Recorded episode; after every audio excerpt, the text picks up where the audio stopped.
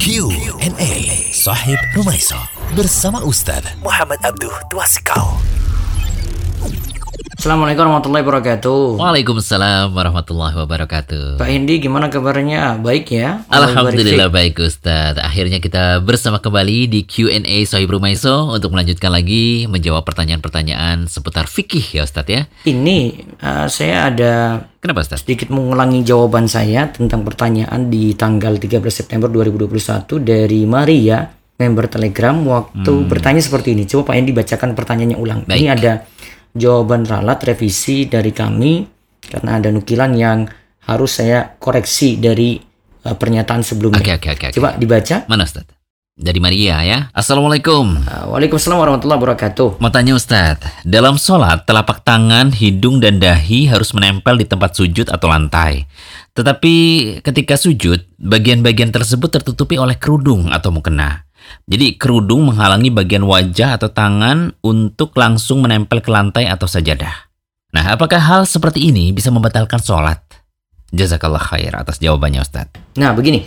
Jadi jawaban untuk Mbak Maria ini yang lebih hati-hati yang kita bisa pilih ya. Kita lihat dulu hadisnya dari Ibnu Abbas radhiyallahu anhu Nabi Shallallahu alaihi wasallam bersabda, "Umirtu an asjuda ala sab'ati a'dhumin, ala al-jabha wa asyara bi yadihi ala anfihi wal yadaini wa rukbataini wa atrafil qadamaini." Aku diperintahkan bersujud dengan tujuh bagian anggota badan yaitu satu dahi termasuk juga hidung. Beliau mengisyaratkan dengan tangannya. Walaupun hidung memang untuk menempel uh, pendapat yang kuat ini sunnah tidak wajib ya. Terus dua dan tiga itu telapak tangan kanan dan kiri. Empat dan lima lutut kanan dan kiri.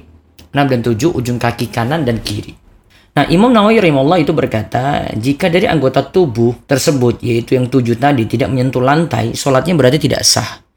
Namun jika kita katakan wajib bukan berarti telapak kaki dan lutut harus dalam keadaan terbuka. Nah, gitu. Adapun untuk telapak tangan wajib terbuka menurut satu pendapat ulama Syafi'iyah sebagaimana dahi demikian. Nah, berarti dahi itu terbuka. Ya, harus terbuka. Ya, namun yang lebih tepat adalah tidak wajib terbuka untuk kedua telapak tangan. Nah, dulu ada ketikan yang saya lanjutkan dengan kalimat dahi di sini. Nah, ini yang saya ingin hapus. Jadi kalimat yang terakhir adalah Imam Nawawi katakan namun yang lebih tepat adalah tidak wajib terbuka untuk kedua telapak tangan. Nah, namun yang ditekankan untuk terbuka di sini adalah dahinya.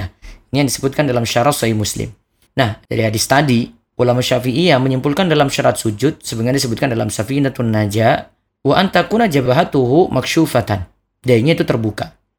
Dahi itu ini ya adalah bagian wajah yang panjangnya antara dua pelipis sutghain dan lebarnya antara rambut kepala dan kedua alis. Nah, kalau tingginya itu rambut kepala dan alis ya kan. Kalau lebarnya itu antara dua pelipis. Nah, itu dahi. Dahi di sini harus dalam keadaan terbuka. Hmm, harus terbuka. Sebagian kulit dahi atau rambutnya dapat terkena secara langsung tempat sujudnya. Itu syaratnya ya.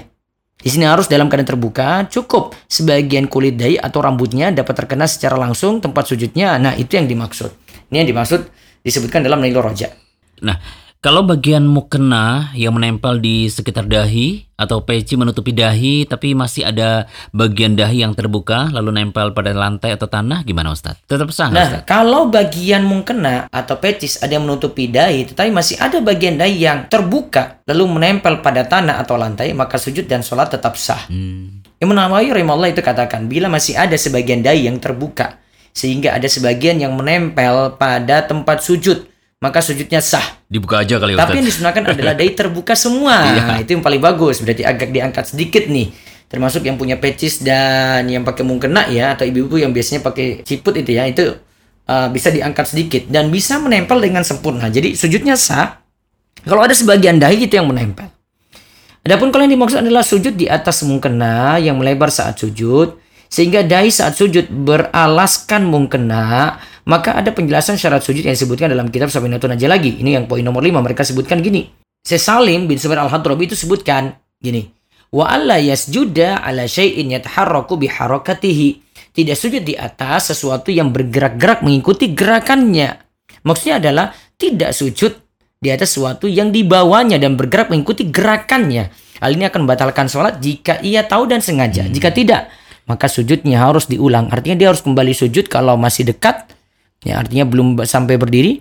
Atau dia kalau sudah sampai rokaat berikut, maka dia membatalkan atau menghapus rokaat sebelumnya. Eh, jadi intinya sebaiknya tidak sujud di atas mukena ya Ustaz Tidak ya? sujud di atas mungkena. Oke. Ya, karena mungkena ini bergerak eh, saat dia itu sujud mau naik itu kan bergerak dengan gerakannya kan. Heeh. Maka tidak sujud di atas itu. Itu yang lebih aman Demikian ya Bu Maria, mudah-mudahan terjawab. dan semoga jadi ilmu yang bermanfaat. Amin. Allah ibarik fik, semoga Allah berkahi Pak Hendy dan yang bertanya Allah ibarik fik. Wafik barakallah. Demikian Q&A Sahib Rumaiso. Kirimkan pertanyaan seputar fikih ke rumaiso.com. Pertanyaan kamu akan dijawab langsung oleh Ustadz Muhammad Abdul Twasikal dalam Q&A berikutnya. Insya Allah.